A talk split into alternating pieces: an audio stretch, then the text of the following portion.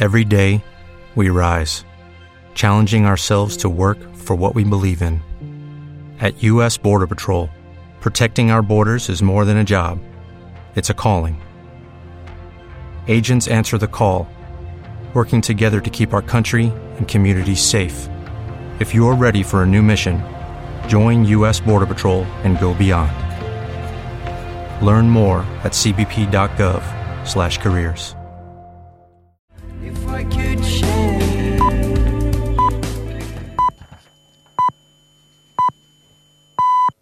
Bona tarda, són dos quarts de nou. Comencem el Marca't un canyo.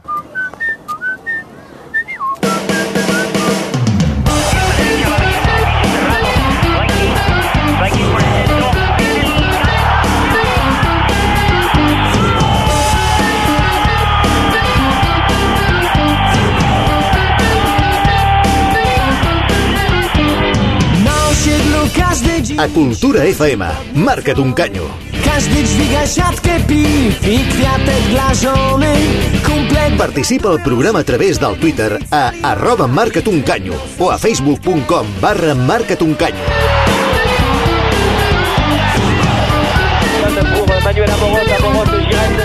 Benvinguts un dilluns més a la Casa del Futbol de Cultura FM, dient que la Juventus s'ha proclamat campiona de l'Escudeto per cinquena vegada consecutiva.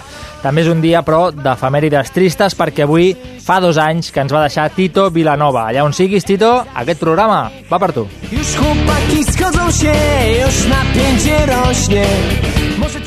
Un programa en què més enllà de records analitzarem tot el que ha donat de si la jornada i posarem la vista en la tercera de les cinc finals que té el Barça si vol guanyar aquesta Lliga. Un partit contra el Betis, el Benito Villamarín, que posarà a prova la recuperació real de l'equip de Luis Enrique. També buscarem el, els perquès del baix rendiment de Neymar en els darrers partits amb un reportatge de l'Oriol Cortés que no us deixarà indiferents, n'estic ben segur. Però això serà més tard perquè primer, alerta, apunteu aquest nom, eh? si teniu paper i boli, aneu apuntant. Avui xerrarem amb un futbolista que va vestir les samarretes del Betis i del Barça. Ja tenim a punt Àngel Cuellar, mite bètic dels 90, que ens ajudarà a trobar les claus del que li espera al Barça-Sevilla dissabte a dos quarts de nou de la nit.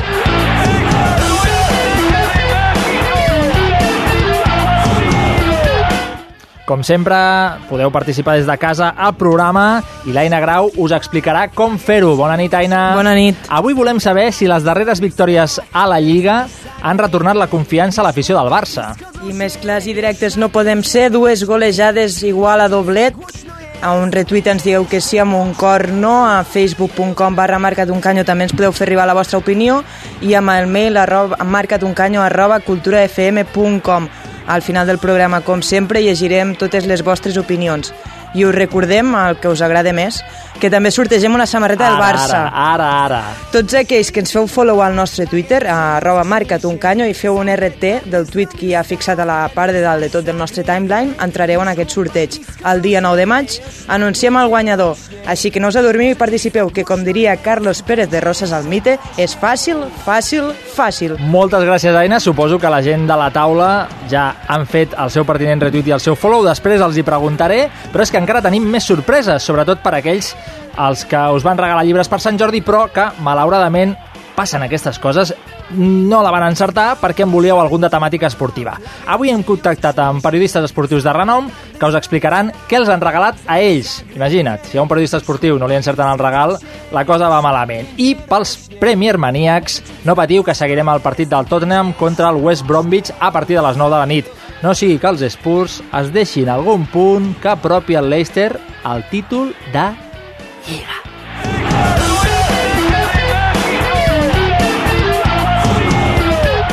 Ho he dit fluixet per no agafar-ho i el tècnic, el Guti, com sempre fantàstic, està a les vies de som, mirava estrany com dient què fa aquest tio fent tantes pauses.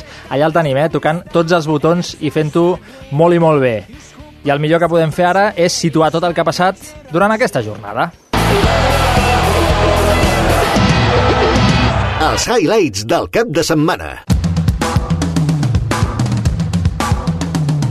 La pelota entre Sorra. Queda el balón muerto. Gol, gol, gol, gol, gol, gol, gol, gol, gol, gol, gol, gol, gol, de Mico.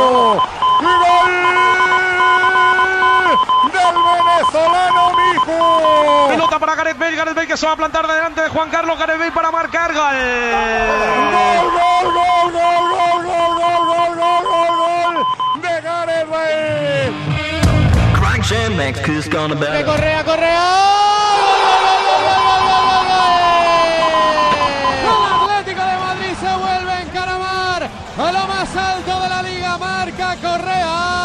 Sabemos lo que es el Barça en, en su cancha y bueno, este, nosotros siempre tenemos la ilusión de que bueno, pierda aunque sea un puntito de ahí, pero bueno, eh, sabemos que es muy difícil también. Messi. Gol, gol, gol, gol, gol, gol. Gol. Otro. Fiestón del uruguayo. Xiula el senyor Clos Gómez al final del partit al Camp Nou i a la sintonia de rac un. Altre tova del Barça. Pallissot 6 a 0 4 de Suárez, un de Messi i un de Neymar, 3 punts més al sac. I el Barça que continua sent el líder de primera divisió, Saperes.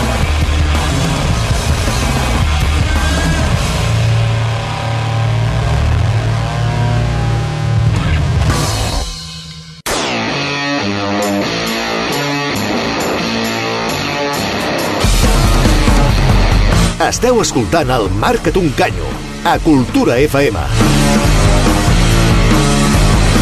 It took a while before I figured it out ja tenim aquí els nostres tertulians d'aquesta nit a punt. Avui no dos, no, tres. El Pau Arriaga, periodista de Línia Xarxa. Bona tarda, Pau. Bona tarda. El Jordi Sotorra, blogger destacat, ja us ho dic ara, i autèntic incendiari a les xarxes socials sota el nom de El Gos de Crist. Amb aquest nom jo el seguiria. Bona tarda per tu també, Jordi. Bones tardes. I el Víctor Rodrigo, periodista i membre del programa de ràdio, no em cansaré de recomanar-lo, La Terrassa de Ràdio Vic. Bona tarda, Víctor. Molt bona tarda. Tots ells ja han fet retweet, eh, follow al programa per allò de la samarreta, per tant, no aneu tardant gaire, perquè sembla que el temps no corre, però el dia 9 de maig arribarà, sortejarem la samarreta i què et passarà tu? Que no hauràs participat i no la podràs guanyar. El que dèiem, tots tres, de seguida analitzem el que pot passar en el que queda de Lliga, l'estat de forma estratosfèric de Luis Suárez i el no tan bo de Neymar. També parlarem de llibres en la ressaca d'un Sant Jordi en cap de setmana i tocarem Champions, perquè sí, sí, hi ha Champions aquesta setmana i de tots els equips de Manchester sempre han estat molt del City en aquesta taula. Ni us mogueu, perquè això serà en un 3 i no res. La tertúlia del Marca't un canyo.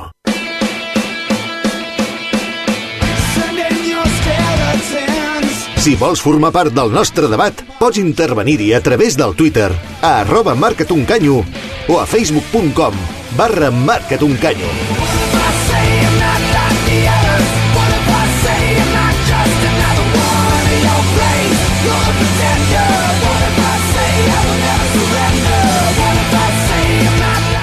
Queden tres jornades per decidir la Lliga, no punts, i tot continua igual, Barça 82, Atlético 82 i Madrid 81. A la taula, us ha convençut l'equip de Luis Enrique amb aquestes dues golejades dels dos, parres, dels dos darrers partits, perdó, sí, no, encara queda feina. Pau, tu mateix. ha, ha complert amb el que la lògica deia que, que havia de complir. No, no crec ni que ens haguem de tornar bojos perquè el Barça golegi el, el Depor i l'Sporting, però moralment és, és important, és important que després del sotrac de, de joc i també de, de resultats doncs es tornin a treure endavant partits amb, amb certa comunitat. Jordi. El Barça ha fet el que havia de fer, que és treure aquests 6 punts després de, del drama que, que hem passat, i a mi si l'equip m'ha convençut, doncs no m'ha convençut, perquè sí que hem estat molt bé en atac i les, les golejades per mi són un punt enganyoses, però si tu repasses els dos partits, tant Depor com Sporting han tingut ocasions clares, clares de gol. Vull dir, el, no sé, no, dir, no sé trobar l'explicació, però el sistema defensiu del Barça no, no passa pel seu millor moment. El que passa que tenim a dalt doncs, gent que, que bueno, com Suárez, clar que en, en dos partits et fa 8 gols i bueno, tot, tot, tot plegat ho maquilla. Uh, no sé, ens queda el Betis a, al Villamarín, ens queda l'Espanyol aquí que són, per mi són dos partits que crec que no seran senzills. Fins i tot jo crec que era, que era obligat guanyar, o sigui, evidentment és obligat guanyar, però jo crec que fins i tot eh, és com que el Barça està arrossegant eh, el lideratge i per darrere tens els dos equips que tenen l'alegria d'anar d'anar guanyant partits i fins i tot no tenen ninguna obligació, entre cometes, de guanyar perquè tenen pendents, que ja ho parlarem després, les semifinals de Champions i com bé deies Jordi, eh, la, la, el joc del Barça no, no acompanya a, a passar d'aquests 14 gols que han, que han marcat en dos partits. Sobretot la primera part contra l'Sporting, no? Al camp del Depor sí que el Depor hi ha un moment que baixa els braços mm. i allà comença l'espectacle, però la primera part contra l'Sporting deixa un regust estrany. No sé si, si compartiu aquesta visió, si realment no us va, no us va veure tan, tan malament. Sí, hi ha, hi ha dos, sobretot dos, dues jugades molt, molt concretes del, de l'Sporting que són situacions de gol gairebé, vaja, gairebé imminents i deia el Jordi que no, que no sap què li passa al Barça a nivell defensiu. Jo tinc una explicació i l'explicació és Busquets. Uh, Busquets, a, a, banda de, a banda de Neymar, que és l'altra gran mm, vaca sagrada que no, que no està en el seu millor moment, uh, Busquets ja fa temps que físicament se li nota que, que no està fi, que no arriba on arribava, uh, fins i tot a la sortida de la pilota se'l nota més, més espès i mm, jo no vull, no vull espantar ningú, però aquest estiu hi ha Eurocopa, eh, Espanya la voldrà guanyar i això vol dir que a Busquets li toca enfundar-se la roja. I totalment d'acord amb el Pau, i jo, a, a part de Busquets, afegiria un altre, un altre nom, que és el de Rakitic. Rakitic sí. arriba a final, aquest final de temporada trilladíssim, i, i crec que en, en, en, en l'entremat defensiu o com el Barça replega, perquè moltes d'aquestes ocasions són, són contraatacs, doncs aquí la figura de Rakitic jo crec que és, que és clau i no està fent el seu paper com, com ha fet anteriorment. De fet, Uh, el que posa en evidència aquest estat de Rakitic és que moltes vegades ha estat substituït al minut 60 no? Jo crec que Luis Enrique pensa, ostres, és que o el trec ara o és que el següent partit no, no el podré ni posar d'inici. I jo, jo crec que una mica l'explicació va per aquí. Mira, ara mentre feu tertúlia, el, el Víctor demanava torn, admiro quants cops ha estat substituït Rakitic en els últims partits perquè crec que no són pocs. No. No, a mi, a mi, fin... Perdona, eh? a mi el que fins i tot em preocupa és que, clar, ja portem un parell de, de, de setmanes parlant de l'estat de, de Busquets, però és que queden tres partits i, clar, un, un equip com l'Espanyol, el Betis, evidentment, serà, serà complicat, com has dit Jordi, el Villamarín pues, és, és un camp complicat pel Barça, però és que contra l'Espanyol jo fins i tot m'espero que Busquets fins i tot tingui el doble de feina, perquè ja sabem que l'Espanyol eh, no anirà a jugar, anirà a contrajugar contra el Barça, no té res a perdre, entre cometes. Va, bé, no té res a perdre. No res a perdre, compte, evidentment. compte, compte que l'Espanyol sí, està en una situació malament, delicada. Li surt molt malament. Pot I el, estar I el. Granada, no estem parlant del Granada, però Granada l'última jornada pot estar jugant-se a la vira. Exacte. O sigui, poden ser tres partits Això, això, és- mm, això a, anava a a, dir. a cara de perro. un, un, dos, dos jugadors com Busquets o Rakitic que en aquest, en aquest entramat defensiu eh, no estan fent bé la seva feina mm, que et marquin un gol et pot, et pot trencar el partit i més com estan de nivell psicològic els jugadors del Barça amb un gol en contra es poden trencar De, de fet, uh, Betis i Espanyol ja ens han birlat una lliga cadascun, Sí, perquè sí. Sobis. Un, Sobis i Tamudo. i Tamudo. I, I aquest any el, el Madrid, el, el Villamarín va empatar un. Crec, crec Sí, que era una... en un partit de, de Danco va aturar pràcticament... Exacte, vull dir que no és un camp que puguis anar allà i dir, bueno, aquí guanyarem amb la gorra. De fet, a mi em sembla més senzill el partit de l'Sporting, inclús el partit del Depor allà, tot i que el Depor aquí ens va empatar 2 a 2, que no passa el partit de, de, del camp del Betis. He trobat la dada de Rakitic. Rakitic el dia de l'Sporting de Gijón juga 75 minuts. És cert que els dos partits anteriors contra Depor i València ho juga tot. Contra la Reial en juga 19, crec que surt des de la banqueta, si no vaig errat. L'anterior contra el Madrid en torna a jugar 74. En tenim dos darrere que també el juga complets, però a partir d'aquí, si tirem la vista enrere, és un drama. Contra el Rayo 66, contra el Sevilla 15, contra les Palmes 44, contra el Celta de Vigo 29, contra el Llevant 68, Atlético 67, vaja, i podria seguir. El que deies abans, dius, ara, ara et miro la dada, és que per mi el més significatiu són els minuts en, els, en el que el canvia, no? Perquè el, el canvi, sempre- sí, minut 15 de la segona part, això els partits que no ha estat suplent i Entre ha el entrat, 60 i el 70. clar, i, i jo crec em sembla que la, la idea és una mica de que amb, amb aquests sostenidors que porten que segurament el deu dir, no, tu, aquest tio està per jugar 60, 65, 70 minuts i jo crec que que l'estaf tècnic del Barça sí que això ho segueix molt d'una forma molt metodològica i de fet hi ha moments que dius, ostres, Rakitic podria seguir, però si això et diu que l'has de canviar, crec que, que ho segueixen molt... Clar, en tot cas el problema no és tant aquest, perquè si hi ha una qüestió d'energies i els metges i els fisios i l'equip del Barça considera que això ha de ser així, endavant, vol dir que ho tenen estudiat i per tant aquest futbolista ni prendrà mal ni haurem de lamentar cap desgràcia. Ara bé, aquí el problema, i ho deixaré una mica a l'aire perquè passarem a altres històries, és de banqueta perquè al final no tens a ningú de garanties, o quan mires a la banqueta no tens a ningú que diguis, bé, mira, Rakitic jugarà 60, però és que els últims 30 els farà aquell noi que... No. No, i la sobrecàrrega defensiva que li dones a Busquets. Llavors... No, per descomptat, un Busquets que, com deia el Pau Arriaga, està, diguem, Fos. una mica, si em deixeu sí. l'expressió castellana, per l'arrastre. Sí, sí. sí. I, I dos apunts amb el que deies, Uri, de, de, de les alternatives. La, dos alternatives per Rakitic serien Sergi Roberto, que l'estàs fent servir de lateral dret perquè no et convenç ni Alves, ni Aleix Vidal, ni Douglas, i, i l'altre és Arda Turan, que bueno, el rendiment que ha donat és bueno, un rendiment molt pla.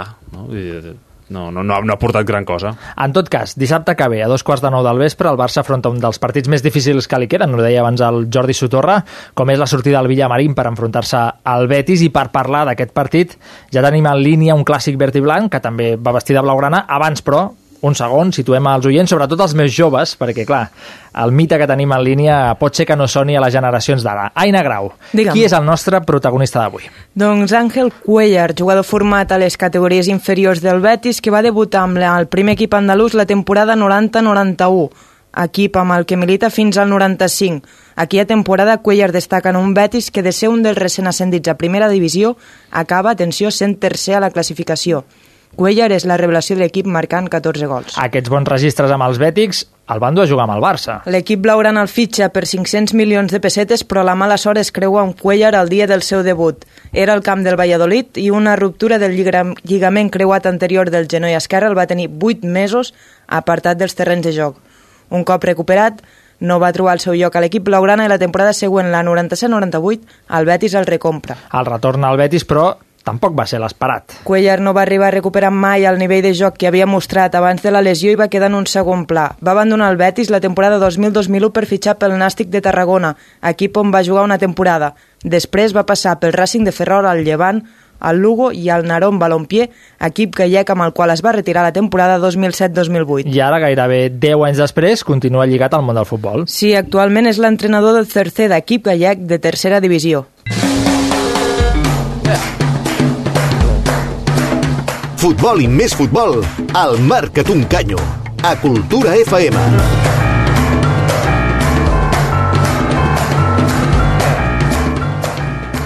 I això no s'atura i la propera cita és contra el Betis a la Lliga i ja tenim a l'altra banda del telèfon el nostre proper protagonista, Ángel Cuellar. Bona nit, buenas noches. Hola, buenas noches. ¿Qué recuerdos tienes de, de, tu paso por Barcelona, ya que hablamos contigo, ex del Betis, ex del Barça? Porque aquella lesión de cruzados tan pronto marcó tu devenir. No sé si consideras a, aún en esta época que el destino fue injusto con todo lo que podías haber demostrado aquí en, en Camp Barça. No, injusto no. Yo veo, veo el vaso medio lleno.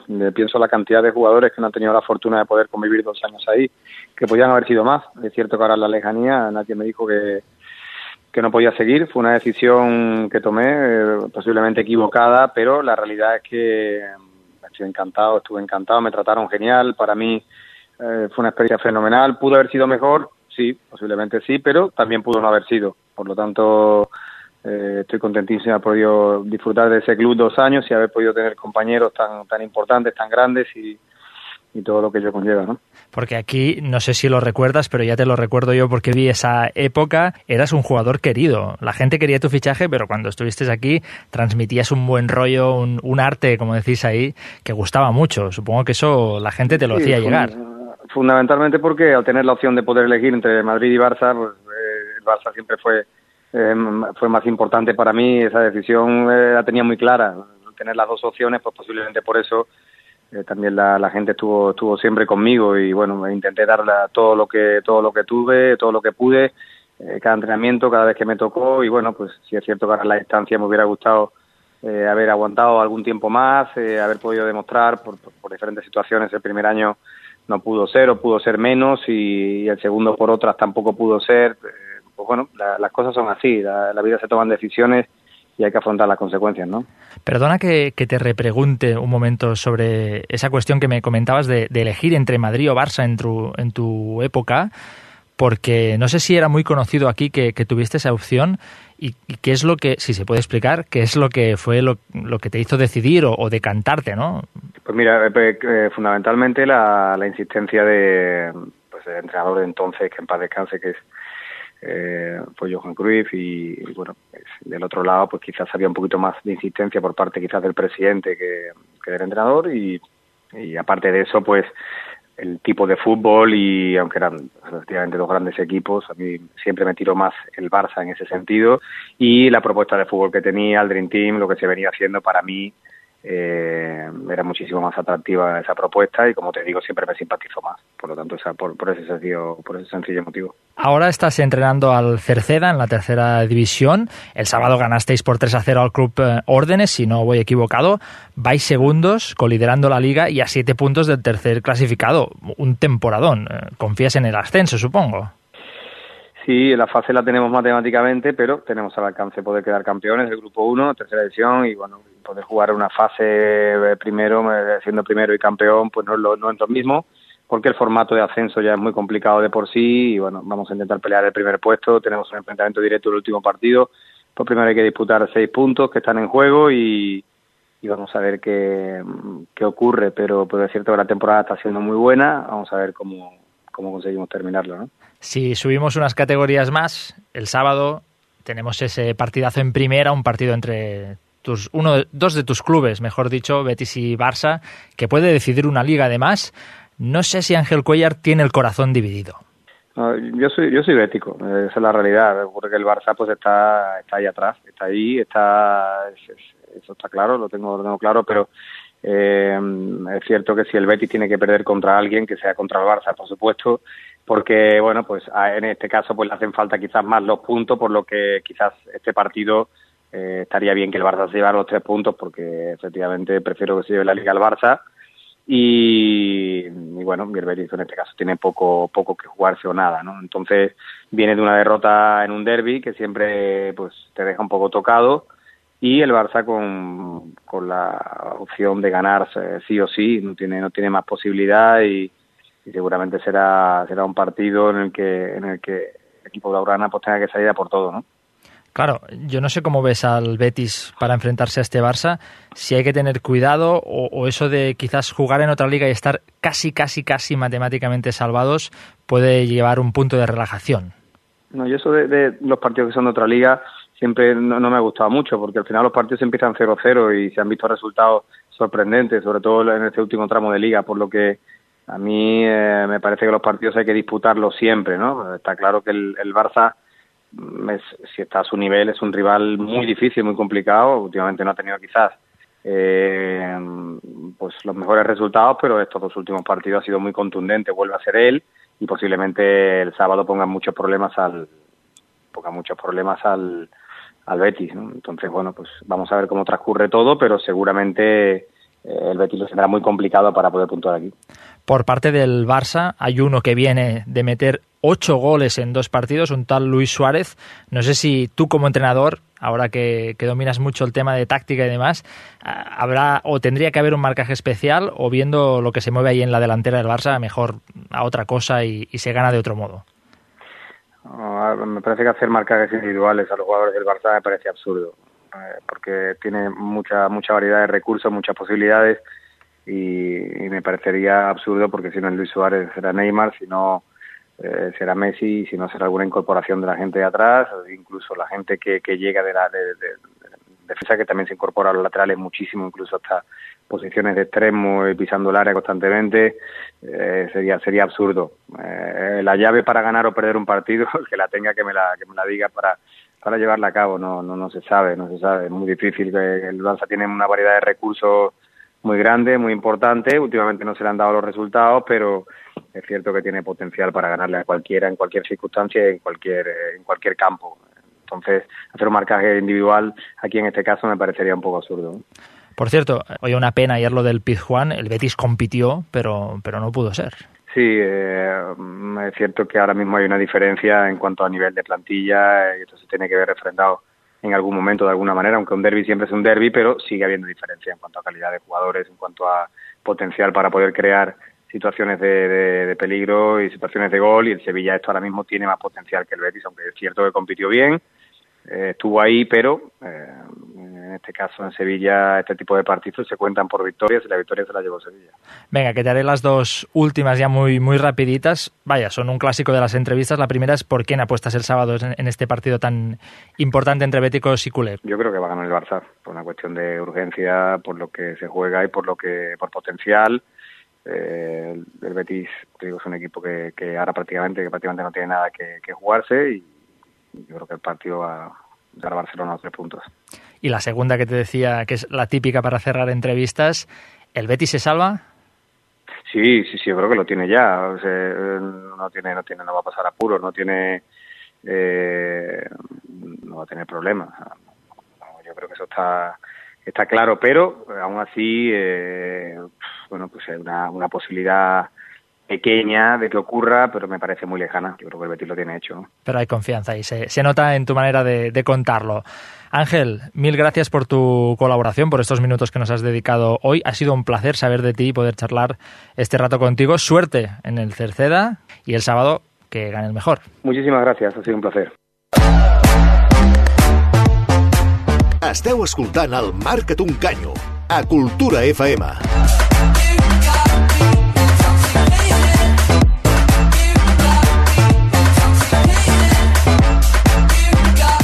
Ja l'heu sentit, un Cuellar que ha destacat del Betis, que tot i que el Barça és favorit, no creuen allò de jugar lligues diferents pel fet de tenir objectius oposats. No sé si a la taula del Marcat els nostres tertulians d'avui, en Víctor, en Pau i en Jordi, ho veuen igual. Víctor.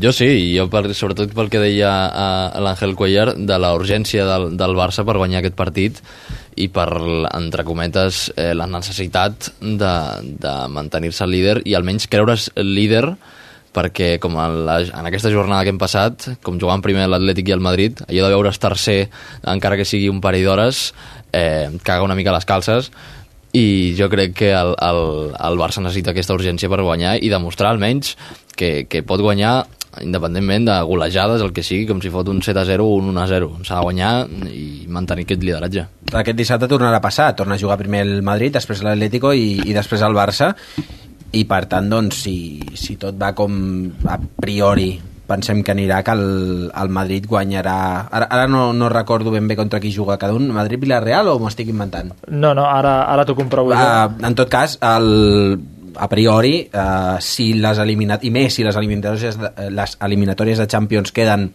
més o menys encarrilades uh, el Madrid i l'Atlético no es poden permetre uh, despistar-se a la Lliga. Jo crec que el Barça ha de fer els deures i més tenint la setmana sencera només per preparar aquest partit no, no, vaja, el Barça no es pot permetre una altra cosa que no sigui guanyar. Real Societat, Real Societat perdó, Real Madrid a les 4 de la tarda Noeta, a un quart de set Atlético de Madrid Rayo Vallecano mm. el Rayo estan ganant eh, uns partidets està, està interessants eh? i el, Barça, el Betis-Barça a dos quarts de nou de la nit per tant, bueno, una jornada en sí. què en principi són molt favorits tots, tots tres equips per tant, faltarà veure si al final aquest favoritisme s'acaba duent al camp perquè com deia Luis Enrique l'altre dia els últims partits és allà on es donen els resultats més inversemblants, mm. per dir-ho d'alguna manera. Sí, sí, els tres... Uh, els tres es plantegen aquests partits amb molta més urgència que els seus rivals. Vull dir, perquè la Real Societat, Villarreal i... Rayo? El Rayo no. no. I Betis, que és el Barça, Exacte. uh, bueno, tampoc, tampoc tenen situacions dramàtiques i els tres del sí que la tenen. Vull dir que els tres són favorits tant per plantilla com, com per alineació que trauran com per la urgència. Uh, a mi no, jo no descarto que, que tots ho guanyin tot d'aquí a final de temporada. Em sembla un escenari uh, molt real i molt factible. Completarem aquesta prèvia de Lliga fent un zoom enfocat en dos noms propis dels que també ha parlat Cuellar fa uns instants aquí al Mercat Uncanyo, dues figures podríem dir-ne cantagòniques ara mateix. Un és Luisito Suárez i Neymar. Començarem pel primer, dos pòquers en dos partits, això ho ha vist tothom i tothom ho ha gaudit. Es confirma que no havia marxat, ni que estava de parranda. No, fins i tot eh, Suárez eh, ajuda una mica perquè jo, per exemple, a, contra l'Sporting vaig veure que Messi era l'autèntic líder del Barça i el que va reconduir la des, desastrosa no, però almenys molt, molt planera primera part i Suárez és el que acompanya ara mateix a Messi en, en reconduir l'equip i en creure's el lideratge, creure's que es pot guanyar la Lliga i creure's que aquests cinc partits s'han de guanyar sí o sí. I l'altre problema és Neymar però jo tampoc posaria ningú problema amb Neymar, sinó que elevaria més l'estat de gràcia de Suárez que no pas criticaria l'estat, entre cometes, baixet que està tenint aquests últims partits Neymar, perquè s'està enfocant molt més cap a un mal estat de forma de Neymar que no cap a un Suárez que està demostrant que tothom li deia d'on està la MSN, doncs aquí està la MSN i espera't, ja veurem. El que crec és que a vegades en fem un gramassa de, de, de petits eh, períodes de temps on, on els jugadors fan una baixada de rendiment. És obvi que Neymar ha baixat el rendiment en aquests, últims, en aquests darrers partits, però tant com per dir, ostres, s'han anat, o ara surten informacions de que si s'ha anat a Londres de festa, segurament va de festa igual que se'n va anar fa tres mesos. I, I sent brasileny, qui, qui li ha de dir que no se'n vagi Clar, de festa? si volem gent que no marxi de festa, doncs no fitxem brasilenys, no? Exacte. Llavors, i, i Suárez, doncs sí, va tenir uns partits que no sucava tant com ara, i ara, doncs mira, és, és, està en estat de gràcia. Però de Suárez, és a dir, podem dubtar moltes coses, però que farà gols, ostres, em farà a cabassos. I, i bé, sí que és veritat que Messi és qui, va, qui últimament ha liderat l'equip una mica fent el símil amb el bàsquet, jugant de base, de dir, sí. bueno, jo aquí és qui porto el ritme i, i assisteixo i ha fet gols, etc. Vull dir que jo crec que amb, amb, amb aquest Suárez inspirat i amb Messi crec que ens hauria de, de donar com per acabar la Lliga i guanyar-la. Dues coses. Uh, una, totalment d'acord amb el que diu el Jordi. Uh, el rol aquest de, de Messi, que ja molts partits ja, ja s'ha acostumat a fer-ho, mm, arrencant des de la dreta i jugant de, de playmaker, fent aquestes passades, uh, buscant normalment l'esquena de Neymar, però també l'esquena de la defensa, perdó, per on entra Neymar, però també a Suárez. Um, i jo el que, el que més he notat potser de baixada de Suárez és, la, eh, és fins i tot la pressió m'ha m'ha donat la sensació molts cops es, es trobava massa sol com que Neymar no l'acompanyava, Messi tampoc i de vegades Rakitic i Iniesta replegaven massa i jo crec que en alguns moments fins i tot ha dit escolta, per fotre'm jo aquí el, el panzón de, de córrer mm. doncs abaixo una mica el ritme, potser els rivals han tingut més facilitat per, per sortir amb la bola i, clar, evidentment, juntament amb, la, amb el que dèiem abans de Busquets, doncs això pot explicar en part les dificultats defensives que està tenint el, el Barça últimament.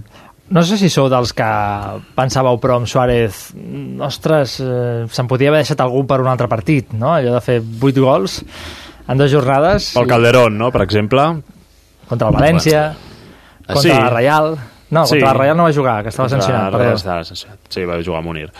Sí, però clar, clar si, si, si ho poguéssim fer, doncs endavant, no? Però jo el que crec és que, que ha tingut, o sigui, en cap moment se l'ha notat, eh, s'ha notat amb, no tan afinat de cara a gol, però que ho ha intentat moltíssim, no? I, i jo també és el que li llo a, a Neymar, vull dir, a Neymar no li estan sortint les coses, però en cap moment s'amaga o en cap moment eh, és allò de, de rebre eh, la pilota i, i tornar a repassar.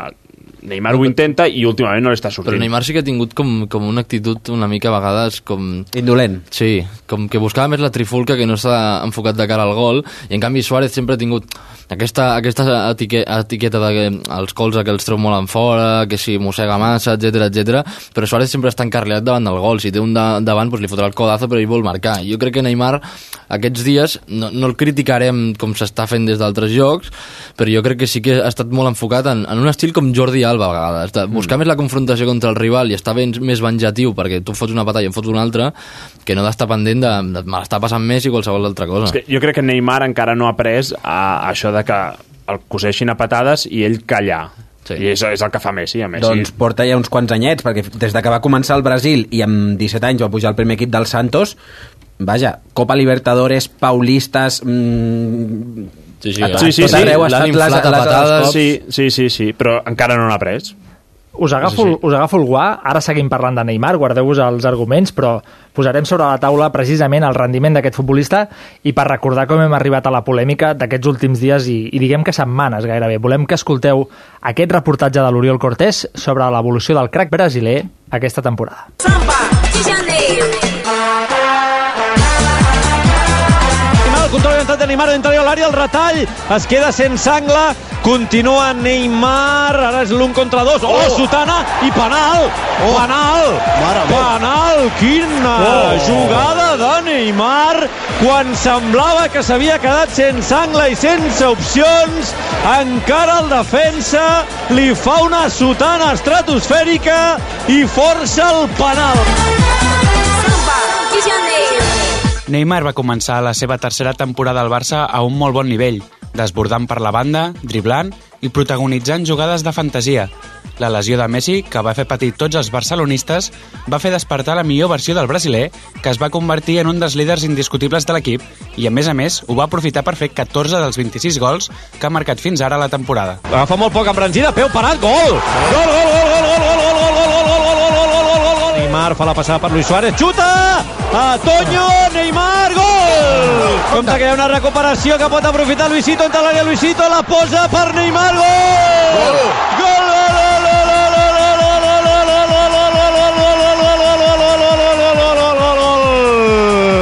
el Barça avui n'ha fet 4 i els 4 du du du du du du du du du du du du Neymar El brasiler es mostrava combinatiu amb els companys, se'l veia amb confiança de cara a la porteria, inclús s'atrevia amb alguna que altra frivolitat per batre els porters rivals. Y el Barcelona que sale a la contra. Luis Suárez busca Neymar. Es buena para el brasileño. Madre mía,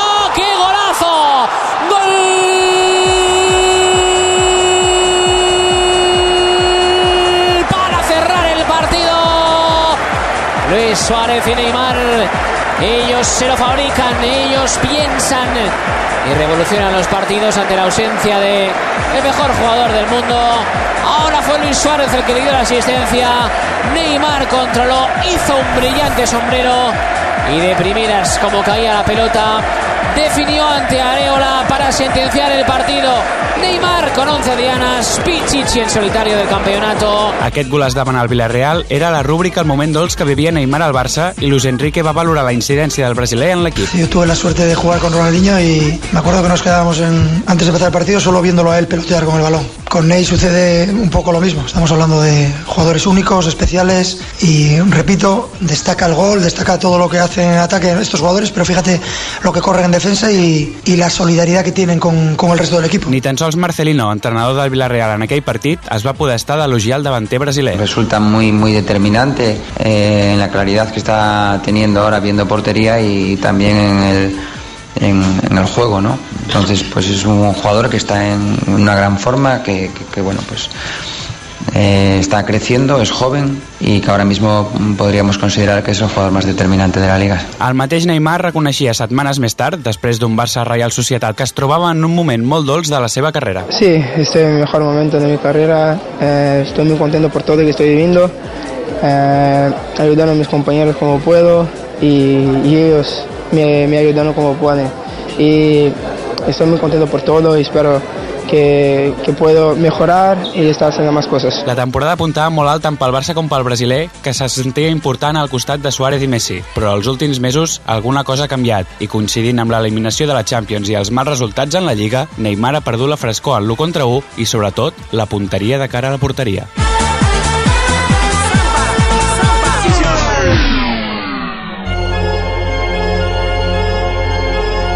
El pitjor moment de l'equip ha fet lluir també el pitjor de Neymar, erràtic en el dribbling i amb desconfiança quan ha d'encarar la porteria rival. El desgast psicològic pot estar passant factura al brasiler i el davanter blaugrana ja no és tan resolutiu quan ha d'encarar la porteria. Dubta quan abans no ho feia i inclús sembla que ni ell mateix confia en les seves possibilitats. Messi el cercle central, el desmarcatge de Neymar, la passada és de Museu i Neymar entra a l'àrea oh, li ha tret la pilota Cuellar què li passa a aquest noi? Messi la posa perfecta l'interior de l'àrea per Neymar que no està fora de joc continua Neymar, el xuta Neymar a les mans del porter és increïble sí, sí. és increïble el que li està passant a aquest futbolista és confiança és que, total. és que ara s'ha vist claríssimament ell fa el control i quan fa el control és que jo crec que la paraula dubte sí, sí.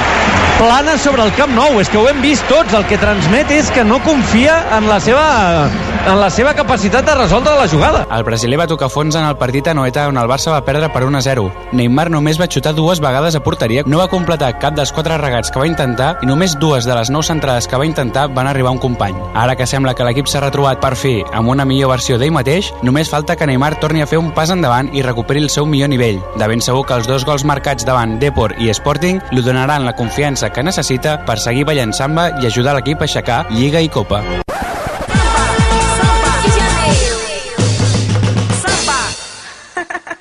No sé si té explicació això que li passa a Neymar. A mi el que em sembla més preocupant no és tant el què, sinó el com. Mm, M'explico. Uh, Neymar va marxar a l'última aturada de seleccions que va haver-hi fa... Bé, just, just abans de, de tota la sèrie de catastròfiques desditges que ha portat el, el Barça a dilapidar, paraules tècniques de, paraules de l'entrenador, a l'avantatge a la Lliga i va marxar en un punt bo barra molt bo. I en canvi després mm, la, la, la, la davallada ha estat eh, sobtada sense a priori um, factors que ho expliquin. Sí que és veritat, i abans ho dèiem, uh, que ho continua intentant, o sigui, no, no, no s'amaga, el, el seu caràcter ja, ja és així, uh, no, no s'amaga, però, com deia l'Oriol al, al reportatge, tant de bo els gols que ha marcat en els últims partits, tot i que no siguin decisius cap dels dos, uh, l'ajudin a retrobar aquesta, aquesta esporneta. El Pau feia referència al que i al com d'aquesta baixada Neymar. Jo crec que això cal sumar-li el quan. Exacte, sí. Clar, a la baixada Neymar arriben al tram final de temporada, tram decisiu, que t'enfrontes al Madrid en Lliga, a l'eliminatòria contra l'Atlético de Madrid, partits complicats com és a Noeta, que no sé, cada any palmem allà, a, al València a casa, que el València ja ens va posar en problemes allà a Mestalla, que vam empatar un, crec recordar, doncs venen aquí i tampoc aconseguim guanyar. És a dir, crec que el moment és capital, no? igual que l'any passat vam arribar a la final de, de Champions, que semblaven motos, vull dir, no sé, jo no sé què menjaven o què portaven aquells filets, doncs aquest, aquest any l'equip i Neymar inclòs, potser Neymar el que més, arriba en un moment de la temporada doncs, que no, no, no està per grans, per grans festes. Jo fins i tot dins d'aquests eh, que com quan afegiria el, el, aquest trident o almenys Neymar s'havia trobat alguna vegada amb una crisi eh, semblant dins del Barça quan estava en el Barça? Jo crec que no, i més, i més sent tan dilapidat per la premsa, tan dilapidat, o sigui, tan, tan posat en els focus com si ell fos el que dinamita el trident, com que ell està perjudicant, que Messi i Suárez es porten bé, però després que si fotos que no anaven junts a l'aeroport quan era mentida. Jo crec que, a més, Neymar té aquest punt de no, no adolescent, sinó que fins i tot li falta aquesta maduresa de, de, com a jugador, de no creure's tant tot el que li diuen, de no que li afecti tant. El que deia el, el Pou en el reportatge del Cortés, d'aquest dubte que li plana sobre d'ell, del sobre el seu cap, cap i jo crec que això dins del vestuari s'ha de, de, de, de, de placar, se l'ha d'ajudar i sobretot un, aquí entren jugadors com Messi com Suárez que tenen un caràcter que pel molt que els hi tirin pedres següent partit, si no els hi funciona els hi funciona el següent. Jo crec que és a Neymar que li fa, el que li fa això. Un, un conjunt de conseqüències i de, i de catastròfiques desditges com has dit tu Pau que l'han perjudicat i fins i tot parlem-ne, els vols transoceànics aquests que fan a, a, aquest, a aquestes alçades de temporada els maten. I no ens han matat a Messi i a Suárez de miracle. Però si ens arriben a matar els tres de cop mm, ja veuríem on estaríem. Potser és una, una collonada no, no ho sé, però això que deies del, del caràcter adolescent Uh, sí que és veritat que Neymar, Suárez i Messi són, són una pinya, van junts a tot arreu, fins i tot el, a programes com el, com el Cracòvia se n'ha fet conya i musicals i, i, i que s'hi renoven els tres alhora i tal, però mm, Messi i Suárez em fa la sensació que tenen mm, la vida com, com més um, no sé si dir resolta des del, des del punt de vista familiar. Suárez té la, la dona i les dues nenes, Messi també té, té Antonella i els, i els dos petits, i en canvi Neymar sí, té el nen, però mm, el veus que un dia surt a una revista que si lo relacionen con una Kardashian, l'altre dia...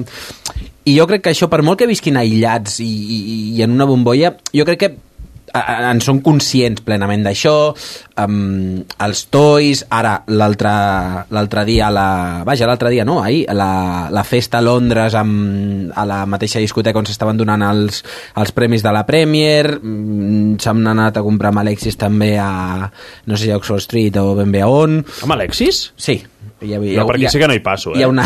Jo, tot l'altre bé, eh? però jo aquí no... Hi ha, hi, ha, hi ha fotografies a internet, sí, sí.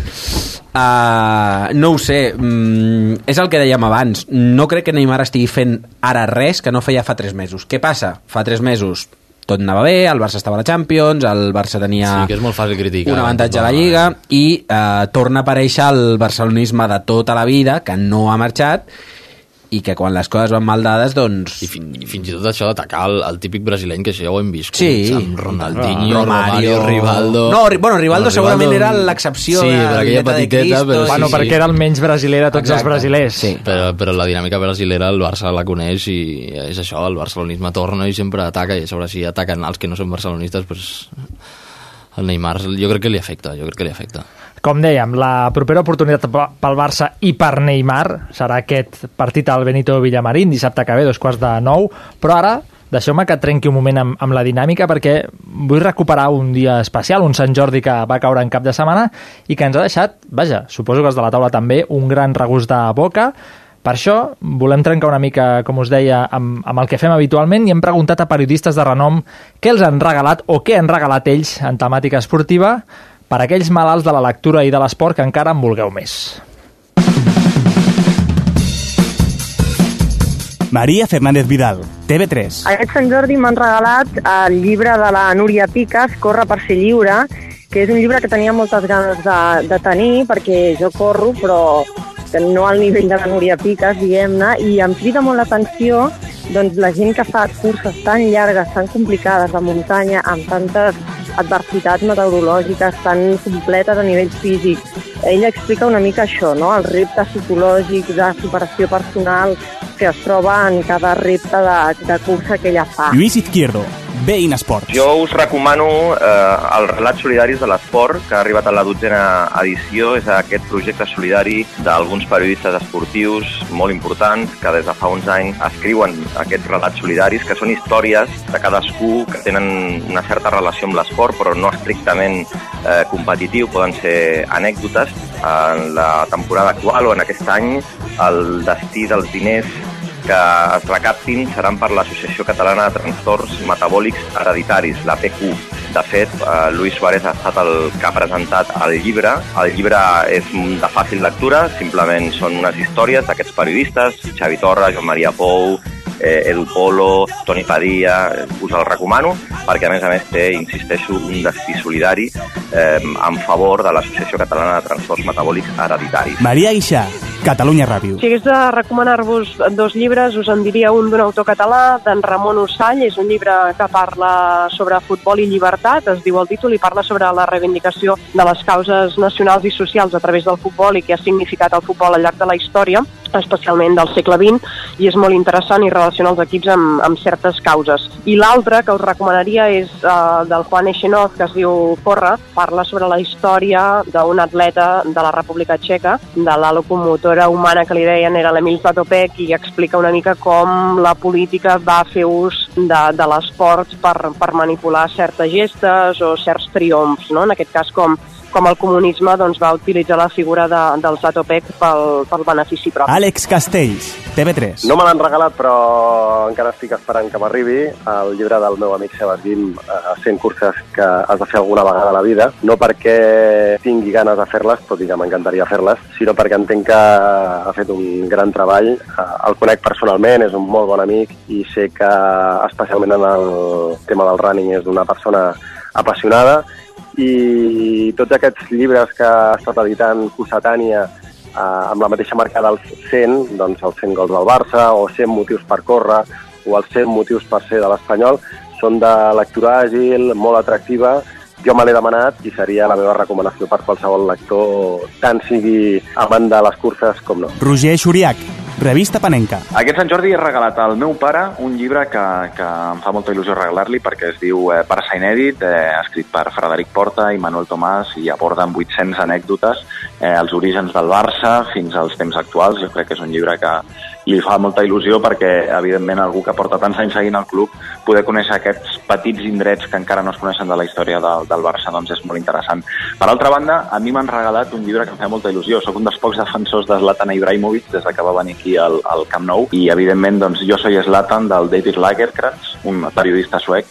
Crec que està considerada una de les millors biografies a un esportista viu de, de l'actualitat. Com a mínim així ho han reflectit alguns mitjans internacionals. És un llibre que recomano molt perquè Zlatan té, evidentment, una història polièdrica amb mil matisos i, evidentment, hi ha molt més darrere d'aquest rebel del futbol que crec que els actors haurien de conèixer.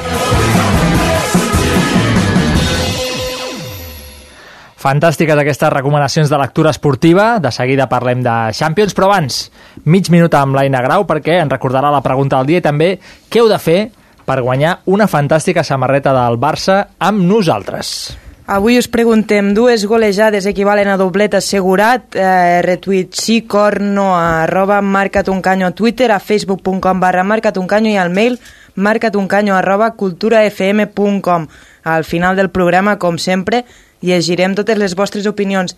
I la samarreta, una samarreta del Barça, sortegem entre totes aquelles persones que ens feu follow al nostre compte de Twitter, arroba marcatuncanyo, un, i un retuit o no, i un retuit del tuit que hi ha fixat a dalt de tot del nostre timeline. El, el Pau ja l'ha fet, crec. Pau ha fet follow, ha fet retweet, el Jordi també, fan quasi tots dos, sé que sí, sí, ho podeu dir també, Sí, eh, sí, que us escoltin sí. a casa, i el Víctor, com no, també també l'ha fet. El dia 9 de maig, eh, guanyador, guanyadora. I tenim resultats també. A la Premier, de moment 0-0 entre el Tottenham i el West Bromwich i a primera divisió el Celta guanya 1-0 el Granada amb gol de Iago Aspas.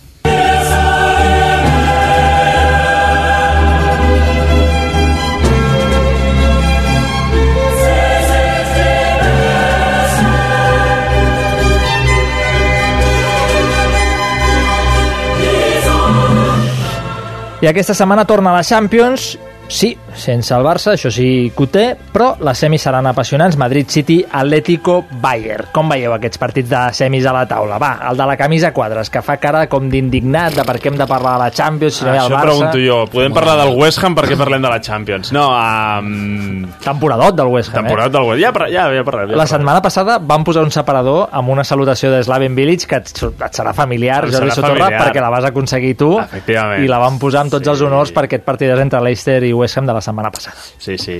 Uh, Champions. Uh, no sé, em ve molt de gust veure el Bayern Atlético de Madrid. O sigui, tinc moltes ganes de veure què planteja Guardiola contra Simeone. Simeone ja sabem què plantejarà. I Guardiola també, però tinc ganes de veure com com entra, com entra el trap Guardiola i ara deixo ara deixo li, li he fet una No, central tira-li la pilota, tira-li la pilota. a punt de saltar, eh? Sí. veig la bola que ve, ve fent paràbola entra, i entra, estic, Pau, entra, estic entra. a punt de fer la xilena. aquest- Eh? Està salivant. Veure, tens, tens ganes de veure aquest partit? A veure, jo ja, ja te la poso. Sí, per veure el, el futbol de Guardiola i l'altre futbol de Simeone. La cara B del futbol. Exacte. M'estàs dient la cara B de- la la cara, cara oculta de la la luna. cara de la luna, sí, sí. Que aquest cap de setmana va haver-hi un recital de otro futbol, que en diuen. Vols dir alguna indicació, no?, cap a algun, sí. cap a algun recull pilotes. Cap, cap, cap, un xico. Però, això, però, però, això, però això potser un Guardiola no, no s'ho deixarà fer. Uh, ostres. Jo a Guardiola el veig protestant, si se n'adona. Mm, jo, jo crec que els, pilota els, els aplegapilotes de l'Allianz Arena no li faran cas a, a No, no, em referia a la tornada, Ah, òbviament. la tornada. Bueno, ja, ja veurem com, com queda la cosa demà. Em, com, com deia el Jordi, jo també tinc moltes ganes de veure el, el Bayern Atlético perquè conyes al marge, eh, és un xoc d'estils en tota regla. El futbol propositiu de Simeone, de Guardiola i el futbol basat en la contra i aprofitant els, les errades del rival de Simeone. I l'altra eliminatòria mm, sento tirar aigua al vi zero confiança en Pellegrini. No en el City, zero confiança en Pellegrini zero Tota la confiança al món en Pellegrini. En Pellegrini, amb qui sigui, amb els que vagin de blau. Ara, ara. Ah, home, a- algun any ha de ser l'any del City, no? I de Kevin De Bruyne, ara és l'any. Clar, no, no, a mi, a, qui, qui no m'inspira confiança és Pellegrini. A mi el City em sembla que té un senyor equip, amb Silva, amb De Bruyne, amb el Kun, però- que esperem que no es lesioni baixant les escales, que és una cosa que també li passa bastant sovint. Però no t'inspira confiança pels plantejaments. Mm, però ell, o sigui, el, el veus a, a, mi, i... a mi és cert que entenc el que diu el Pau perquè veig No el transmet. City avançant-se 1-0 i tirant enrere. I això fa por, perquè el Madrid ho veurà venir, olorarà la sang. Crec que inclús que és diferent que el Madrid s'avanci. Mireu què us dic. que Si el Madrid s'avança, igual fa allò que ha fet Zidane en alguns partits de, de fer-los anar enrere. Bé, no ell, l'equip ho fa inconscientment i potser el City aquí se'ls pot menjar, però, però entenc que la interpretació del Pau va per aquí. No sé si m'equivoco. Gens. En absolut. Jordi, abans amb Sí. sí. lo d'olorar sang i de més Sí. de...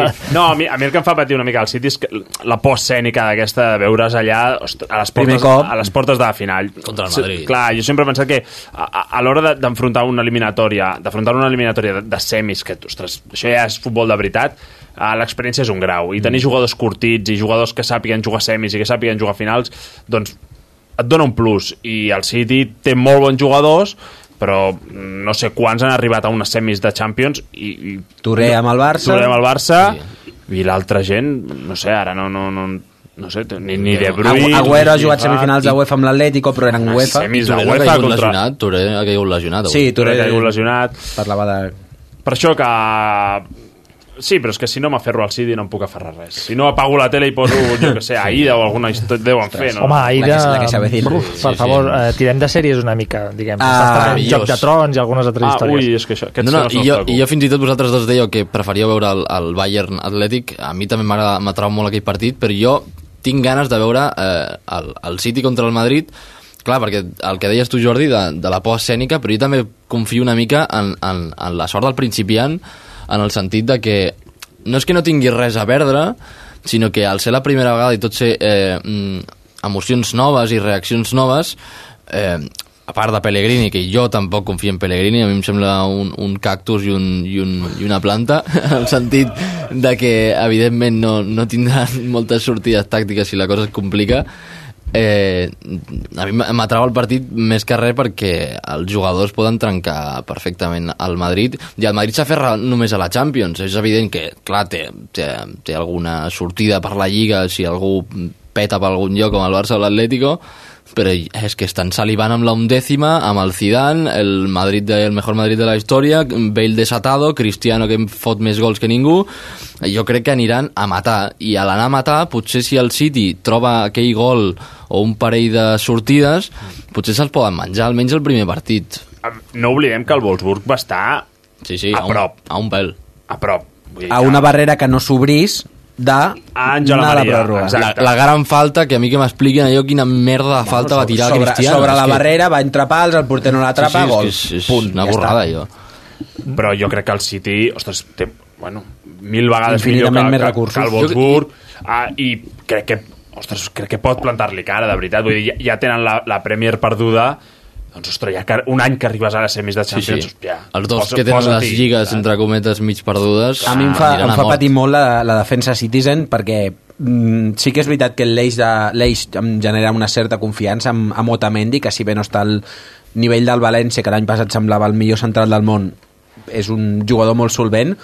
Um, si la parella és Compani, tots més tranquils. Si la parella és Mangalà, eh, tots a tremolar. I si és a De Michelis, directament tallem-nos les venes. De Michelis. I sí, sí, sí, de Que encara estem parlant de De Michelis, de, de Michelis, una semis De Michelis em va dir un amic argentí que es posava Botox. Que un jugador que es posa Botox és que plega. Bueno, perdó, perdó. Tinc, tinc, tinc una dada m'ha picat la curiositat perquè he pensat, no, hi ha d'haver algun altre jugador, em sona que hi ha algun altre jugador que ha passat de quarts i, i inclús us diria de semis i que juga al City. que juga al City. Bé, juga, potser no juga de titular, tampoc va jugar a la final contra el Barça del 2006 a París, però estava a l'Arsenal i és Gael Clichy.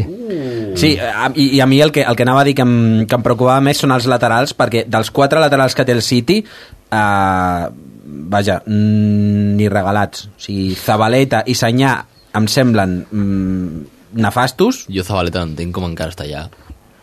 i No Clichy, i Clichy i Kolarov mm, tres quarts del mateix. Vull dir, i s'ha- i s'han gastat diners perquè per Kolarov van pagar un traspàs sí, cara a la Lazio Sanyà sí que és veritat que va venir gratis de l'Arsenal no van, Eh, no van Kolar pagar Kolarov, si més no, fa gols. Sí. Xuta falta, remata, Sí, però això encara ho té. els laterals amb un Cristiano o un Bale, que Clar. Bale sí, està remuntant molt, ja va remuntar el Rayo, vale, però al estar en modo desatado, el que deia tu, Pau, aquests laterals, deixa'ls córrer. Mm.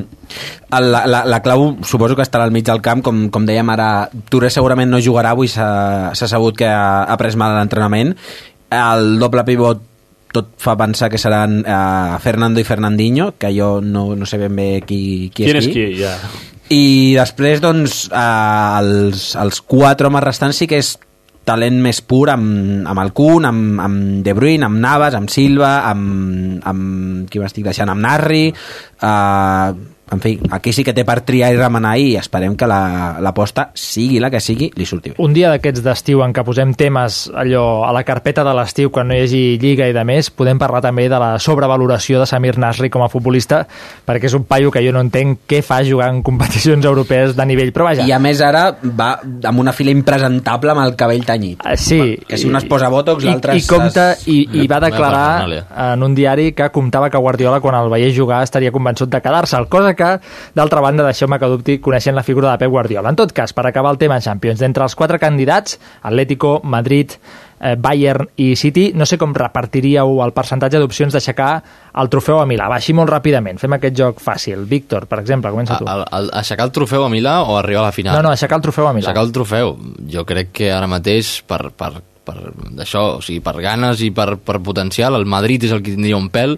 Jo li posaria un 60% almenys dins de la seva eliminatòria i entrant, fent un percentatge davant del, del 100, un 40 tirant 35 al City i el Bayern jo crec que també estaria al 60, 65 si fa una gran final i si es, es menja l'Atlético. Jo aposto més pel Bayern perquè evidentment tiro pel Bayern, però jo crec que el Madrid. Per mi, favorit Bayern, en segona posició per guanyar la Champions Atlético de Madrid, en tercera posició el Madrid i en quarta posició el City. Tot i que confio en el City a ulls clucs. Bayern, Madrid, Atlético, City. la confiança del Jordi Sotorra és l'actitud. I parlant de futbol internacional, farem un apunt molt, molt, molt ràpid, 3 minutets. Ja sabeu que anem fent un seguiment del Leicester en aquest programa, que té a tocar el títol de la Premier League. L'última perla d'aquesta història de fantasia que viu el futbol aquest any és l'speech que hem rescatat que Ranieri va fer als seus futbolistes ahir abans d'entrar a enfrontar-se al Swansea. We had dreamed so far. Now Hem somiat fins a aquest moment, però ara toca fer aquest somni realitat. Ara és el moment de donar-ho tot. Tot. Després, si el Tottenham és millor que nosaltres, d'acord, però hem de lluitar, lluitar, perquè mai més podrem viure un moment fantàstic com aquest. because never more can pass this fantastic moment. Probablement al futbol li faltin més Leicesters, vull dir que mig món el segueix i, i volen que guanyi, si més no pel que respira les xarxes, i potser és un símptoma que estem farts de que sempre guanyin els grans. Sí, tot i que un, un, un petit apunt, uh, fa un, no sé si aquest cap de setmana passat o l'anterior, el, el Jordi Sunyer, el company del, del hat-trick total, va ser a, va ser a Leicester i va parlar amb un, amb un catedràtic de la, de la Universitat de Montfort, que és la que, és la que hi ha allà a la, a la ciutat, i va dir que és curiós perquè tot el fenomen de la globalització es dona al Leicester. O sigui, és, és un equip eh, que té un propietari ric, és un, bueno, és un magnat tailandès que controla molt el tema dels, dels, eh, dels duty free als, als aeroports i que la manera de funcionar del club també és de, de multinacional, té uns ingressos per televisió i per vaja, mm, sobretot, bàsicament per televisió després de la, del, de la renegociació dels equips de la Premier molt importants i sí que és veritat que fins ara no s'ha gastat gaire diners. De fet, si no m'equivoco, el fitxatge més car de la temporada és Okazaki. No, no sé si, si, és, si és així o no però vaja, és, de, és dels jugadors eh, que més inversió li ha, li ha suposat. En tot cas um, segueix sent un, una història de fades, un, un conte meravellós en aquest, en aquest futbol de- d'avui dels nostres dies i jo crec que menys els aficionats del Tottenham gairebé tothom amb el Leicester Vale, uh, molt ràpid, perquè l'Urim diu molt curt, molt curt. Uh, la temporada del- del Leicester és increïble i és un fenomen que, ostres, per poc que t'agradi el futbol, ara has d'estar mig enamorat del Leicester i, i, i això demostra què és la Premier. Primer el Leicester, que bueno, òbviament ningú s'imaginava que, que podia optar al títol. El segon el Tottenham, que tenia molts equips per davant i està fent una temporada increïble. Uh, però equips com el Chelsea, que estan fora de la UEFA, i equips com el West Ham, que està lluitant per entrar a UEFA. Pensava que no el Que ja diries. us l'he colat. I un, un últim apunt, ha sortit l'11 l'11 ideal de, de la Premier fa, fa poc. De fet, hi ha quatre jugadors del, del Leicester i Dimitri Payet del, del West Ham. I, i m'agradaria puntualitzar que no hi són ni Cesc ni Alexis. Que això crec que, crec que va, val la pena dir-ho. Ni Cesc ni Alexis en l'11 ideal de la, de la, de la Premier. Déu-n'hi-do, déu nhi déu amb això que ens comenta el Jordi és una gran dada. El debat del Marcat avui el deixarem aquí, però no marxeu, que, que hi ha més coses. Abans, però, l'Aina ens eh, recordarà una notícia que s'ha sabut durant el dia d'avui i és l'horari del derbi. Sí, serà una jornada unificada el diumenge 8 de maig a les 5 de la tarda tots els partits eh, d'aquella jornada. Perfecte, gràcies Aina. Com us deia, el debat del Marcat el deixem aquí per donar pas a una nova entrega d'una secció que ha costat molt de renovar pel catxer del seu conductor, però que finalment, finalment, podem tornar a gaudir.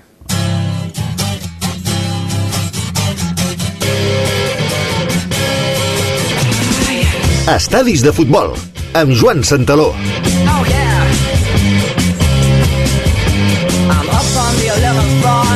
I en aquest moment tenim ja el Joan Santaló que corre per aquí, per l'estudi de Cultura FM i avui ens parlarà d'estadis després de molt i molt de temps que no venia. Bona nit, Joan. Bona nit, ja no me'n recordo de, de com és la teva cara, que tant de temps que no ens veiem, que condena. Jo també t'havia oblidat una mica. Sí, però, però... està bé, està bé, això m'agrada, eh, això, la cultura, si està bé aquí. Aquest, aquesta nova casa. Aquesta nova casa està bé, està Les bé. parets xules, tot, sí. tot ben tu estàs amoblat. bé aquí o no, Ganyo? Em tracten estic- bé? Em tracten molt bé, rejuvenit. Jo, et veig bé, tu, eh? Sí? Uh, sí, et trobo guapot. Jo, jo estic molt bé, jo estic molt bé. Fa dos anys que no dormo, però estic de puta mare. Ah, no, i això són aquelles coses que És donen les criatures. I tant. Va, de què ens parles avui? De quin estadi eh, ens proposes eh, històries? Doncs pues va, avui en ve de gust parlar, ja que tornem a això als estadis de futbol, en ve de gust parlar d'una petita joia de l'arquitectura. Eh, un estadi força desconegut, que està considerat com un dels més espectaculars del món. Eh, per fer-ho ens hem de traslladar a la petita població de Felksut. Fe, fel, com? Felksut. Felksut, eh? Felksut, no sé si ho he pronunciat bé. Això està a Hongria, i ojo perquè ja comencem anant a llocs eh, remots i xungos, Però, eh, diguéssim. però a tu t'agraden aquests llocs amb aquest aire de futbol vintage. De eh? fu ah, no, va per aquí, va per aquí, futbol d'aquest merder. Eh, comencem pel poble aquest. Felksut, us explico, és una localitat del comtat de Feher, conegudíssim comtat de Feher, a Hongria. Eh, té una població d'uns 1.700 habitants i 22 quilòmetres quadrats. Molt més no podia ser. 1.700 em sembla raonable. Et sembla raonable, per no? una població que es diu Felksut. Anem a posar una, una, una comparació, anem a fer una comparació perquè us feu una idea. Uh, us poso un exemple. Ribes de Freser, coneixeu Ribes de Freser, no? I Jo tant. a la muntanya, i al Cremallera, no? Uh, té 1.800 habitants per fer una comparativa, eh? Felksut és un rotllo Ribes. Felksut seria el Ribes d'Hongria. Felksut vale? de Freser, diguem. No és una urbe que te cagues, però està ahí, ¿vale? Vinga, doncs a Felksut podem trobar l'estadi del que parlem avui, que es diu Estadi Pancho Arena. Perdona, Vinga. primera pausa. A Felksut, Hongria, comtat de Feher, hi ha un estadi que es diu Pancho Arena. Pancho Arena. Té un motiu, té un motiu, ja veureu quins. Uh, és l'estadi que utilitza el Puskas Acadèmia pels seus partits. I aquí hi ha la paraula clau, que és Puskas. Vale? Uh, ara ja ens anem situant, no? Puskas, futbolista húngar per excel·lència, uh, doncs sí, tot plegat gira envoltant d'aquest senyor que molts consideren el millor futbolista de la història d'Hongria. Eh, Ferenc Puskas, també conegut com Pancho, després del seu pas pel Real Madrid. Sí, senyor. O almenys Ara, ara ho a entenc. Hongria. Per tant, és el Pancho Arena en nom de Puskas, ¿vale? Aquest estadi tan bonic té una capacitat per 3.500 espectadors. Que ja comencem aquí amb la primera limarada. Ah, però, però, a veure, a veure, a veure, torna a parar un segon. Perdona, eh, que et vagi tallant, Aquí però...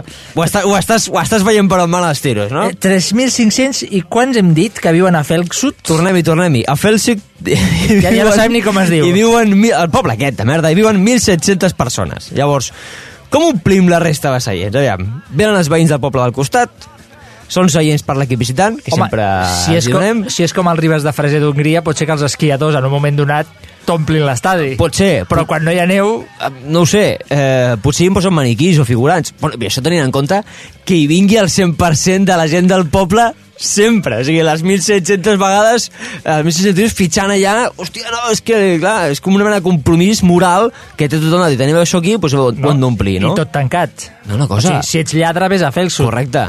El dia de partit. Correcte, correcte, to tothom està al camp.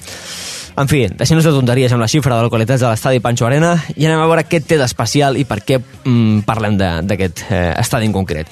D'entrada dic que és categoria 2 de la UEFA. Això què vol dir? Això vol dir No que si està poden... mal. No està mal, no està gens malament. Si poden jugar partits internacionals. I, de fet, quatre partits de l'Eurocopa Sub-19 del 2014 eh, s'hi van jugar. Vale? Ojo, eh? Un estadi de, en un poble de 1.700 habitants. Recordo que té menys gent que Ribes de Freser, d'acord? I si juguen quatre partits de l'Eurocopa Sub-19 del 2014. Està bé, Alerta. està bé que ho vagis repetint perquè la gent sigui conscient de- Sí, no, perquè a mi, qüestió. a mi em flipa una mica, però bueno. El tema és que el propi club, el Puskas Acadèmia, és la principal acadèmia de futbol del país des del 2004. Vale? Llavors ara tenen aquest club, a més a més. Una mena de supermagia húngara amb la clara vocació de retornar a la vella glòria eh, al futbol de la magnífica Hongria de los Magiares. Eh? Ah, els broma magiares recta. mágicos, sí senyor. I tant. Però què té més d'especial i de meritori aquest estadi? Anem a la part seriosa, eh? Doncs bàsicament l'edifici. Un moment, un moment, la teva secció té una part seriosa. Té una part seriosa, en aquest cas sí, curta, eh? No es pensis. Ah, ah, ah. Per si sol, aquest edifici justifica la visita a Felksut, més que segur, bàsicament perquè no hi ha res més a veure. Eh? Els arquitectes són Imre Makovic i Tamas Dobrosi. No té per, si no teniu per què sonar-vos aquests noms, per res del món, vale? tranquils, no, no me suena, normal. Imre Makovic, que és l'arquitecte en si, va néixer el 1935 i va morir el 2011. Eh? És a dir, que va morir abans que s'acabés l'estadi. Llàstima. Ja sí, no va veure l'obra acabada. Des d'aquí una abraçada a la família Makovic. Eh, no vam poder anar a l'enterrament, bàsicament, perquè no sabíem que existia aquest senyor. Un grandíssim arquitecte húngar, no, no riguis, que és veritat, eh, que va tenir prohibit treballar a Budapest per la seva oposició al comunisme i que va impulsar un estil orgànic i únic lligat a l'espiritualitat i que alerta es compara amb la feina d'altres arquitectes més coneguts com Frank Lloyd Wright, Rudolf Steiner o Antoni Gaudí. O sigui, Déu-n'hi-do. no, no és per res, però el situen en aquesta alçada, eh? vull dir, alerta. El senyor Makovic, has dit? Makovic, uh, Déu-n'hi-do. Té nom de tenista. Sí, tu creus? Sí, del top 10 de l'ATP. Makovic, el es podria colar. O de guanyar-te l'Open, d'USA, de golf, per exemple. Exacte. Makovic. Jordan Speed ha sido, ha sido destituido de- del torneo por el señor Makovic. Makovic. Vinga, uh, continuem amb la biografia d'aquest d'aquest senyor perquè segons Jonathan Glance, que va ser l'escriptor de l'obituari quan va morir del diari The Guardian, Makovic era, i cito textualment, un home càlid i agradable amb una ment privilegiada, un bigoti prominent i un enorme amor a Déu, la cultura celta, l'estoicisme i el whisky escocès. Geni figura, eh? Geni figura aquest senyor. Soc molt de la gent amb bigoti prominent i addictes al whisky El whisky escocès. escocès. M'agrada. Per mi tenen tot el perdó de, de Déu, ja. Com aquest, és ell i Tom Selleck, no? Per, per dir-hi. Sí, parlem d'aquest bigoti. Ah, jo me l'havia imaginat més amb un bigoti... Més, Dalí, més Dalí, no? Més Sí, frondós. una cosa més de, sí, de, del modernisme, saps aquests bigotis de, Ara buscarem dels una foto. quatre gats? Buscarem una foto d'Imre. Makovic i la penjarem on, on sigui, al Dropbox. Sí, ara mateix, la tuitegem. Ara. I aquí és on tenim el tret característic d'aquest estadi. És una autèntica obra mestra de l'arquitectura contemporània. Seguir l'estela d'aquest senyor, d'Imre Makovic, Tamas Dobrosi, que és l'altre arquitecte, que diguéssim que acaba la feina quan mor a Makovic, firma aquest estadi que es vincula eh, amb l'exterior mitjançant unes columnes interiors de fusta combada al més pur estil modernista. Per entendre'ns, les grades del propi estadi estan subjectades per un bosc de columnes i arcades de fusta eh, que estan aguantats, que se suporten sobre uns pilars blancs majestuosos que pe- perfectament podrien estar dins de la, de la Sagrada Família eh, perquè l'estil s'hi assembla força, no? Per la gent que ens escolti des de casa, ara mateix farem uns tuits amb unes fotos de l'estadi perquè ho veieu mentre el Joan ho explica. No, no, val la pena veure-ho, de veritat, busqueu-ho.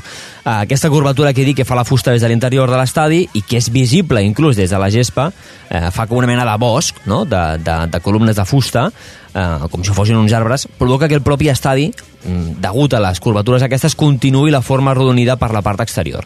Un exterior que té un tret molt característic de les obres de Makovic en general, que és un revestiment del sostre de pissarra, d'acord? Que li donen un, un color tot negre, jo, lògic de la pissarra, a l'altra banda, que és un material bastant utilitzat a Hongria, Uh, i que a més a més fa com una mena de forma, o sigui, el, el sostre acompanya no? la paret fent com una mena de, com de caparazón de tortuga, no? O sigui, el sostre Ah, ah, acaba ostres, sent com una mena de curiós. caparazón uh, evidentment no està tot cobert perquè l'estadi, la part de la gespa queda, queda descoberta, però les grades sí, no? Llavors té com una mena de, de, de caparazón. Aquest exterior també té uns detalls molt interessants. Entra unes eh, petites estances que alberguen el museu del club, oficines, etc i que són com annexes. Uh, i juguen amb aquest conjunt de- de- d'arcs de, de fusta els que s'hi formen unes petites cúpules per on entra la llum. No? És com una mena de, de veritat, sembla una catedral tot plegat amb un rectangle de gespa al mig. Lo de que hi hagi un camp de futbol sembla que sigui lo, bueno, eh, algo secundari en funció com és tot el- tot l'estadi eh, en si.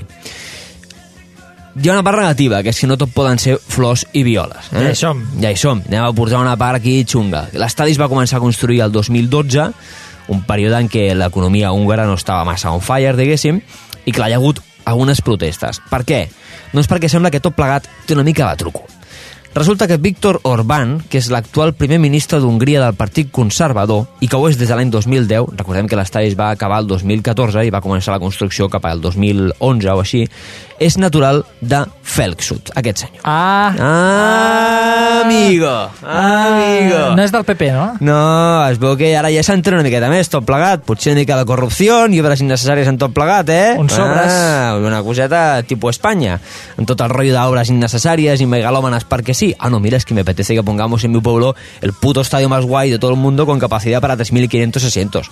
Pues té collons la cosa, fill meu. O sigui, aquest senyor, aquest tal Orban seria el Carlos Fabra de Felksut. Exacte, i el tio es mana a construir un estadi que és que ni venim tota la gent de Ribes de Freser l'ompliu, col·lega. O sigui, ni entre Felksut i Ribes ompliu l'estadi de 3.500 persones. No, ve, no veig jo els ribetans eh, o els fresarencs, no sé com se'ls diu, anant va. fins a fer el sud. Que m'ha perdido, que m'ha perdido allí. És maco l'estadi, ara l'he buscat a internet per fer els tuits i està molt, molt bé, eh? Està molt bé. Jo almenys el que m'alegro és que eh, amb aquest pelotazo que va fer-se el primer ministre, com a mínim no el va construir eh, Calatrava, que ara segurament ja estaria a terra, eh, i a més tot blanc, una cosa lletja, no?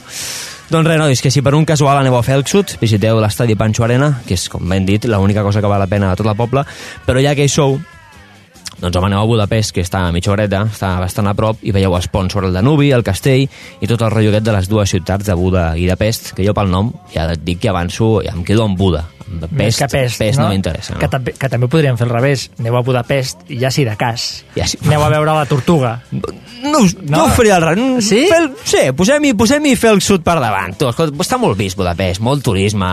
Fem alguna més alternatiu, no? No, però vol directe a fer el sud no... No, home, no.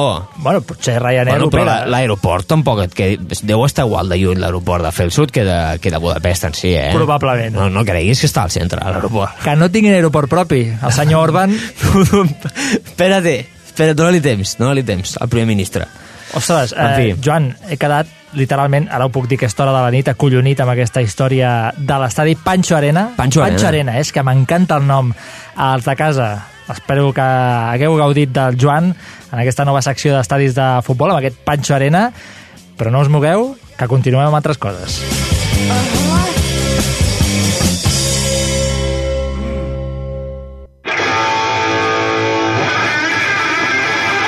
Marca't un canyo. Els dilluns, de dos quarts de nou a 10 de la nit, a Cultura FM. Escolta'ns en streaming i també a la TDT.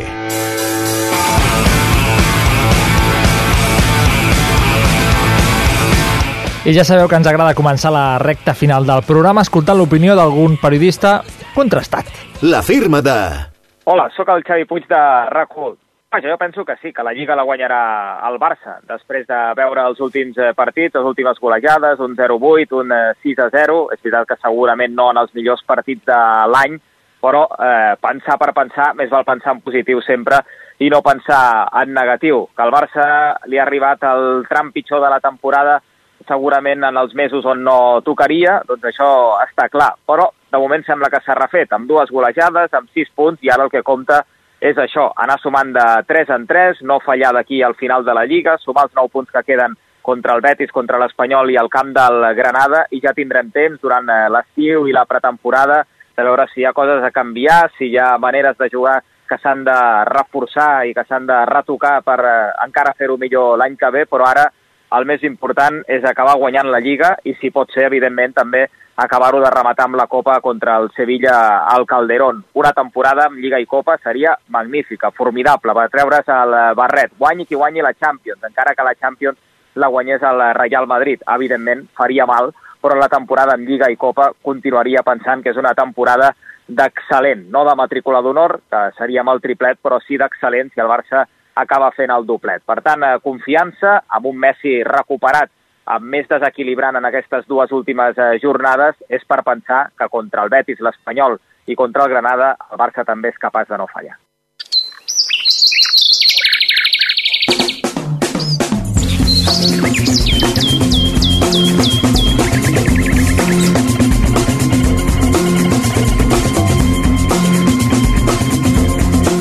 La que sentíeu xiular sobre la melodia, 211, és l'Aina Grau.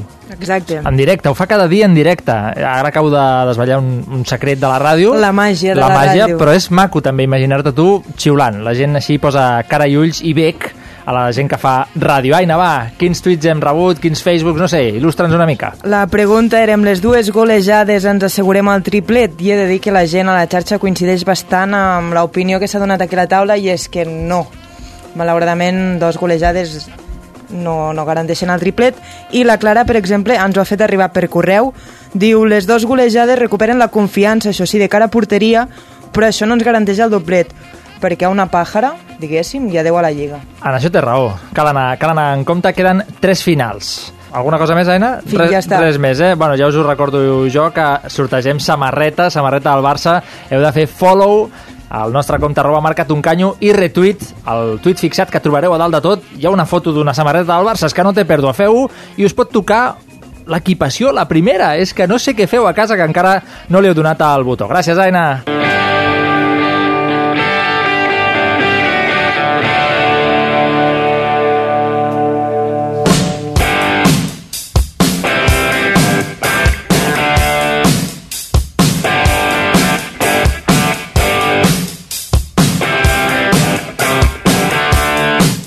Això avui ja no dona per més, tanquem la paradeta, que hi ha altra gent que vol fer el programa i tenen tot el dret del món. Si en voleu més, la setmana que ve ens hi trobareu aquí una altra vegada de dos quarts de nou a 10 de la nit. No fallarà ningú i esperem que el Barça i el Manchester City, perquè aquí som molt Sky Blue, eh, tampoc ens fallin cap dels dos equips. Gràcies una nit més a la redacció del programa, al David Gutiérrez Guti a la part tècnica, a l'Aina Grau aquí present i a l'Oriol Cortés a casa, a la Paula Carreras, també que me la deixo, a la producció i fent reports, i com no els tertulians, Víctor Rodrigo, Jordi Sotorra, Pau Arriaga, el nostre trident que avui ha estat on fire una nit més. I a casa, bona setmana i que el futbol us acompanyi.